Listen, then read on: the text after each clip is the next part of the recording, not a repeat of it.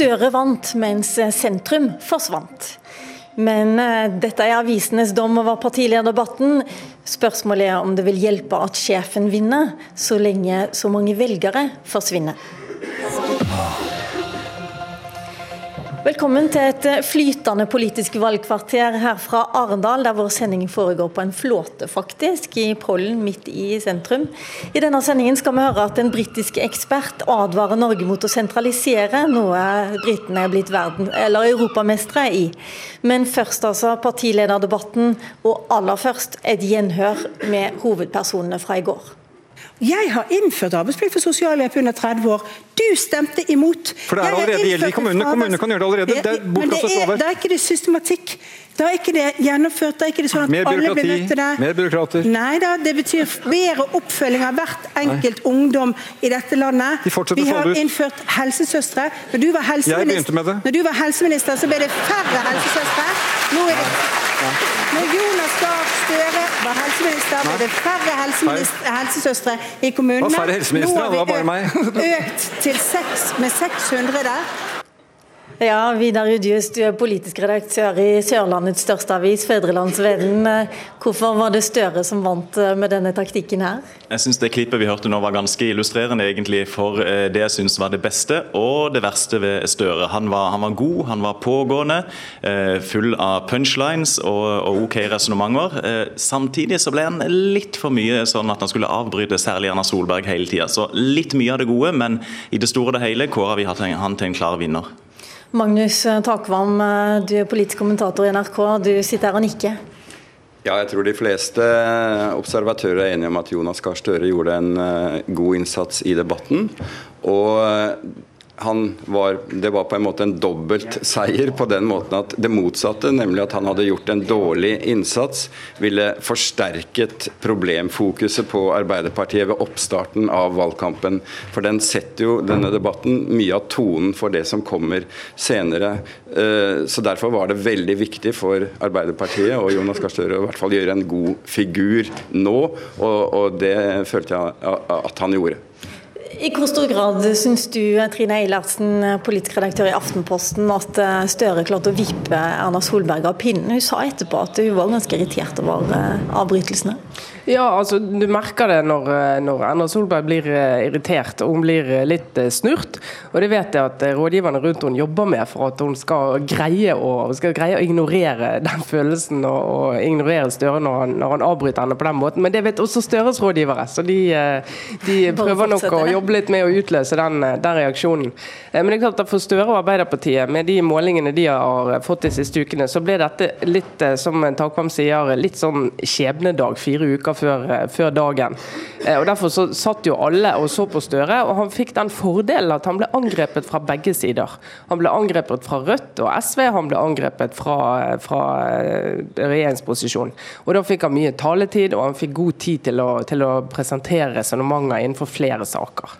Men skjebnedag, sier du, og alle sitter og nikker rundt bordet her. Er en partilederdebatt så viktig, Ødjøs?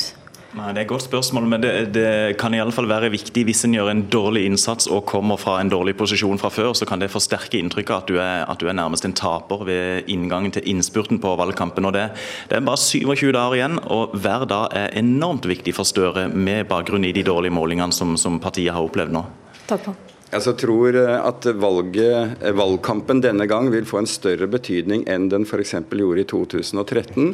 For da uh, var uh, utfallet av valget rimelig klart på forhånd.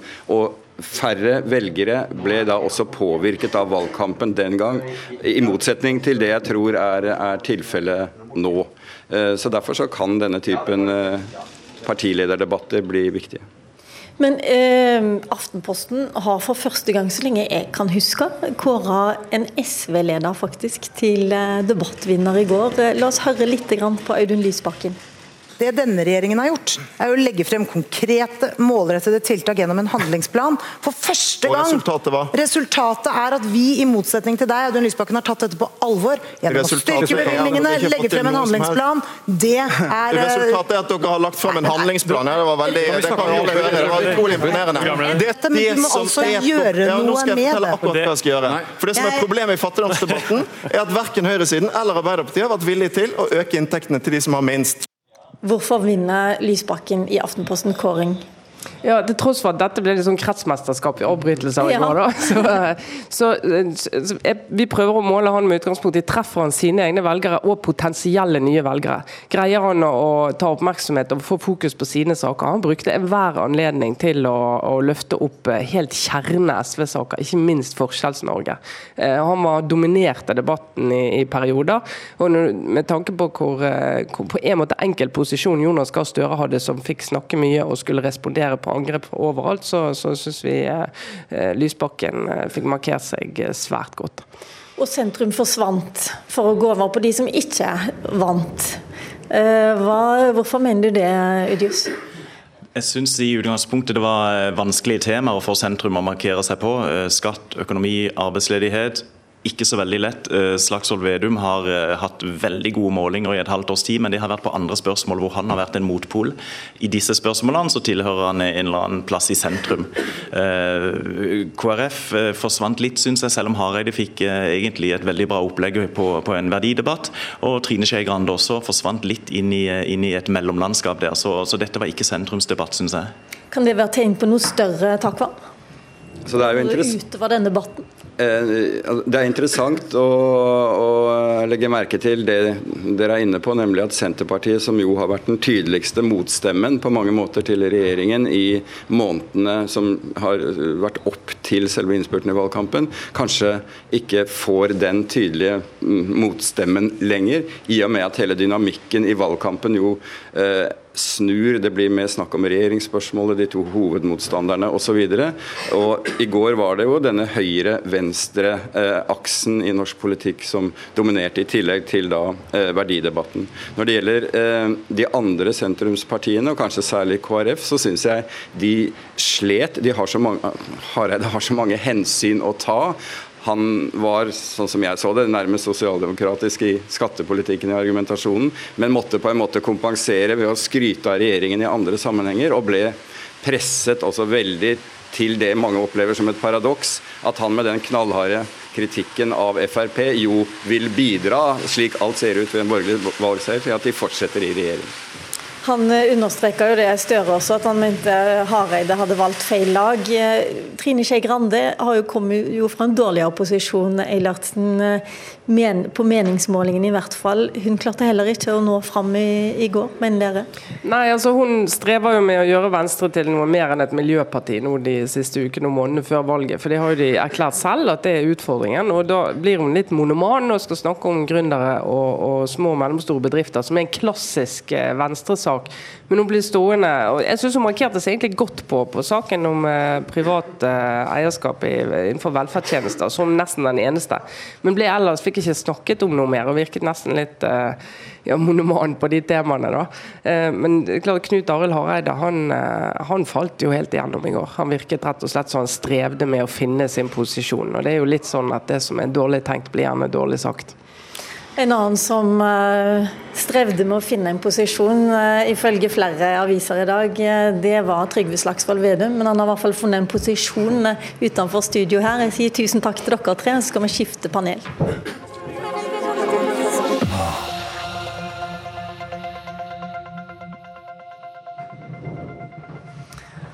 Ja, velkommen Trygve Slagsvold Vedum, partileder i Senterpartiet. Hva syns du om egen innsats? Nei, Jeg syns det gikk eh, fint, men selvfølgelig skulle jeg ønske å ha fått ordet mer og hatt enda flere muligheter til å få fram Senterpartiets verdier eh, der vi tror på hele Norge. Men eh, jeg syns det gikk fint. Ok, Men kan man vel oppfylle ett ønske som du sikkert har, og det er å sette sentralisering på dagsorden, for det er dagsorden for oss akkurat nå. Det er jo sånn at det er hundrevis av debatter her i Arendal de neste dagene, og en av de det skal handle om sentralisering. Welcome to NRK, Simon Parker. Good morning. Good morning. I have to say a few words in Norwegian first. Det er ikke veldig ofte at vi har eh, britiske stemmer her i Politisk kvarter, men nå har altså KS, kommunenes interesseorganisasjon, henta inn Simon Parker fra Storbritannia. Han er leder, tidligere leder av en tenketank og forfatter av boka 'Taking Power Back'. Han advarer mot britiske tilstander. Han mener Storbritannia nå er blant Europas mest sentraliserte land. Et land med større forskjeller og dårligere muligheter for dem som er født inn i fattige familier. And Simon Parker, what went wrong in the UK, and what is it you want to warn Norwegian politicians against now when you're here? Well, about 30 years ago, we embarked on an experiment with extreme levels of centralisation. Every change we made had a good reason at the time. We centralised housing policy, skills, welfare, we stopped municipalities raising taxes. Um, and every one of those um, had a reason behind it. But over time, over decades, every election people promised to centralise more power, more responsibility. And now we have very, very weak municipalities. Now, I guess my message to Norwegian politicians is be careful what you wish for. Uh, because if you take all that power centrally, if you take it all into the national parliament, if you say, I'll fix education, I'll fix housing, well, eventually the public's going to expect you to actually fix all of those things. So you better have the answers. But is that the problem, that they didn't have the answers to fix it? I think the problem is you can't solve all of those problems from a national parliament. You can set whatever rules you like nationally, but if you don't have municipalities and local people working to change society as well, you just can't solve those problems. But you're, you're saying that centralism is a more important question actually than privatization, which is uh, very often the, the case that uh, Norwegian politicians are debating and also the British politicians. I think one of the big challenges in my country is the fact that a lot of people feel very alienated. They feel very distant from Westminster politics. All the power's in London, all the power is in Westminster. So if you're in a poor part of the country, in the north somewhere, if your industries are declining, if you can't get a good job, what can you do about that? Your local authority, your municipality doesn't have the power to do much about it. So all you can do is go down to Westminster. Now, privatisation, it's an important issue, of course it is. But I think for a lot of people, it feels secondary to can I actually make decisions in my community? Han sier altså at privatisering er mindre viktig, et mindre viktig politisk tema enn sentralisering, etter hans oppfatning, og at folk føler seg fremmedgjort eh, i Storbritannia. But uh, I have to ask you also, to what extent uh, did this feeling of alienation and also the feeling that London is too far away um, affect the result in the Brexit uh, referendum? I think that sense of alienation played a huge role in the Brexit referendum. Look, I mean, the big slogan for the Brexit campaign was take back control. And they meant take back control from Brussels to London. But I think a lot of people were saying, let's take back control from London to our communities, to our cities. Let's take control of our economies as well. Thank you so much, Simon Parker. Eh, dette høres veldig kjent ut, eh, vil jeg tro. Trygve Slagsvold Vedum han beskriver altså et samfunn der eh, folk ute i kommunene ikke føler at de når fram til sentralmakta. Men han har tross alt kommet fra et av Europas mest sentraliserte land. Det gjør ikke du, og du må vel innrømme at vi er et stykke unna foreløpig? Det er akkurat samme veien eh, dagens regjering legger opp til. Altså Man sentraliserer på absolutt alle områder. Man sentraliserer politi, man har gjennomført en regionreform som egentlig ingen vil ha, som er en stor sentralisering. Man har gjennomført en kommunereform som eh, man har brukt tvang og pisk eh, for å få gjennomført sin vilje fra Oslo mot den lokalbefolkningen sin vilje.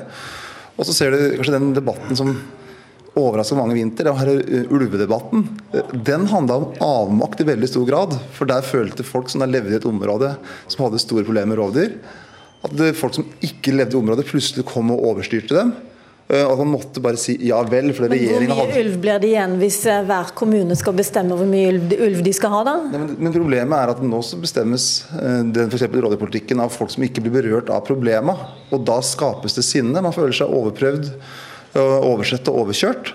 Og Da får du den aggresjonen vi så i vinter. Og Derfor så må vi få en helt annen holdning til å ta hensyn til det lokale. Lytte på det lokale, og ikke ha en sånn blind sentraliseringstro som dagens regjering har. At der de tror at du stoler til svar på alt. Vi tror at nærhet er et gode. Jeg tror dagens regjering må få ordet. Jan Tore Sanner, velkommen kommunalminister. Føler du deg truffet av disse advarslene i det hele tatt? Nei, tvert imot. Eh, vi ønsker å ta vare på den norske og nordiske tradisjon med sterke velferdskommuner. Eh, og Jeg kjenner meg veldig godt igjen i den beskrivelsen som Simon Parker har. Nemlig at eh, Storbritannia og veldig mange europeiske land eh, har gått veien til sentralisering, statlig detaljstyring, statlig overtagelse av oppgaver. Vi ønsker å bygge videre på det som er den norske tradisjonen, med sterke velferdskommuner og stort lokalt selvstyre. Det viser vi også i praksis. Da Senterpartiet satt i regjering sammen med SV, så overkjørte de lokaldemokratiet i sak etter sak. Jeg har byttet ut det rød-grønne nei-stempelet med et blå-blått ja-stempel. Det, det, betyr at når kommunene legger til rette for boligbygging, for næringsutvikling, for naturopplevelser, ja, så støtter vi lokaldemokratiet, der SV og Senterpartiet overkjørte lokaldemokratiet. Og hvorfor, Hvordan forklarer du da fremgangen til Trygve Slagsvold Vedum og Senterpartiet, hvis ikke det finnes en slags fremmedgjøringsfølelse også i lokalpolitikken eh, lokalt i Norge? Jeg forstår veldig godt eh, den, eh, den bekymring folk har for, for, endring. Nå er det jo faktisk slik at Senterpartiet går tilbake på, på meningsmålingene. Men, men poenget mitt er at å drømme om politidistrikt fra 50-tallet, kommunegrenser for 60-tallet, det er ikke slik vi møter fremtiden. Det går et klart skille i norsk politikk i dag mellom de partiene som ser bakover, og de partiene som ser fremover. Vi går nå inn i en tid hvor det blir færre yrkesaktive for hver pensjonist, større kamp om kompetanse. Vi ønsker gode tjenester der folk bor.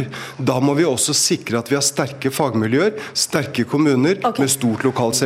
Det der er jo bare retorikk. altså Masse sånn 50-tall og 60-tall og se framover, se Men en ting som Sanner snakker om, det er jo mer robuste kommuner. Det har han jo snakka om nå i fire år.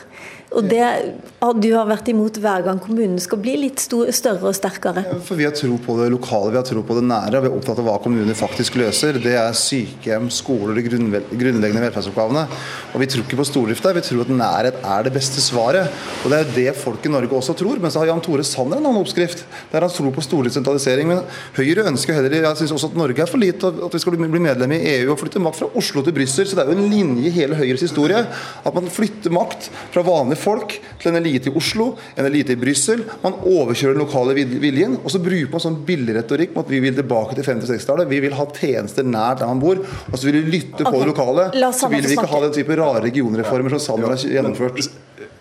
Ditt problem Trygve Slagsvold Vedum, det er at du har ikke ett eneste svar på hvordan vi skal møte dagens utfordringer. Og så er det faktisk feil når du fremstiller Senterpartiet som er imot eh, kommunereform. Senterpartiet har i Stortinget stemt for to av tre kommunesammenslåinger. Lokalt er det mange Senterpartiordførere som har gått foran. Og hvorfor har de det? Jo, fordi at de ser at du kan ikke møte fremtiden med én person i barnevernet. Du kan ikke møte eh, fremtidens utfordringer med en halv stilling innenfor rusomsorg eller psykisk helse.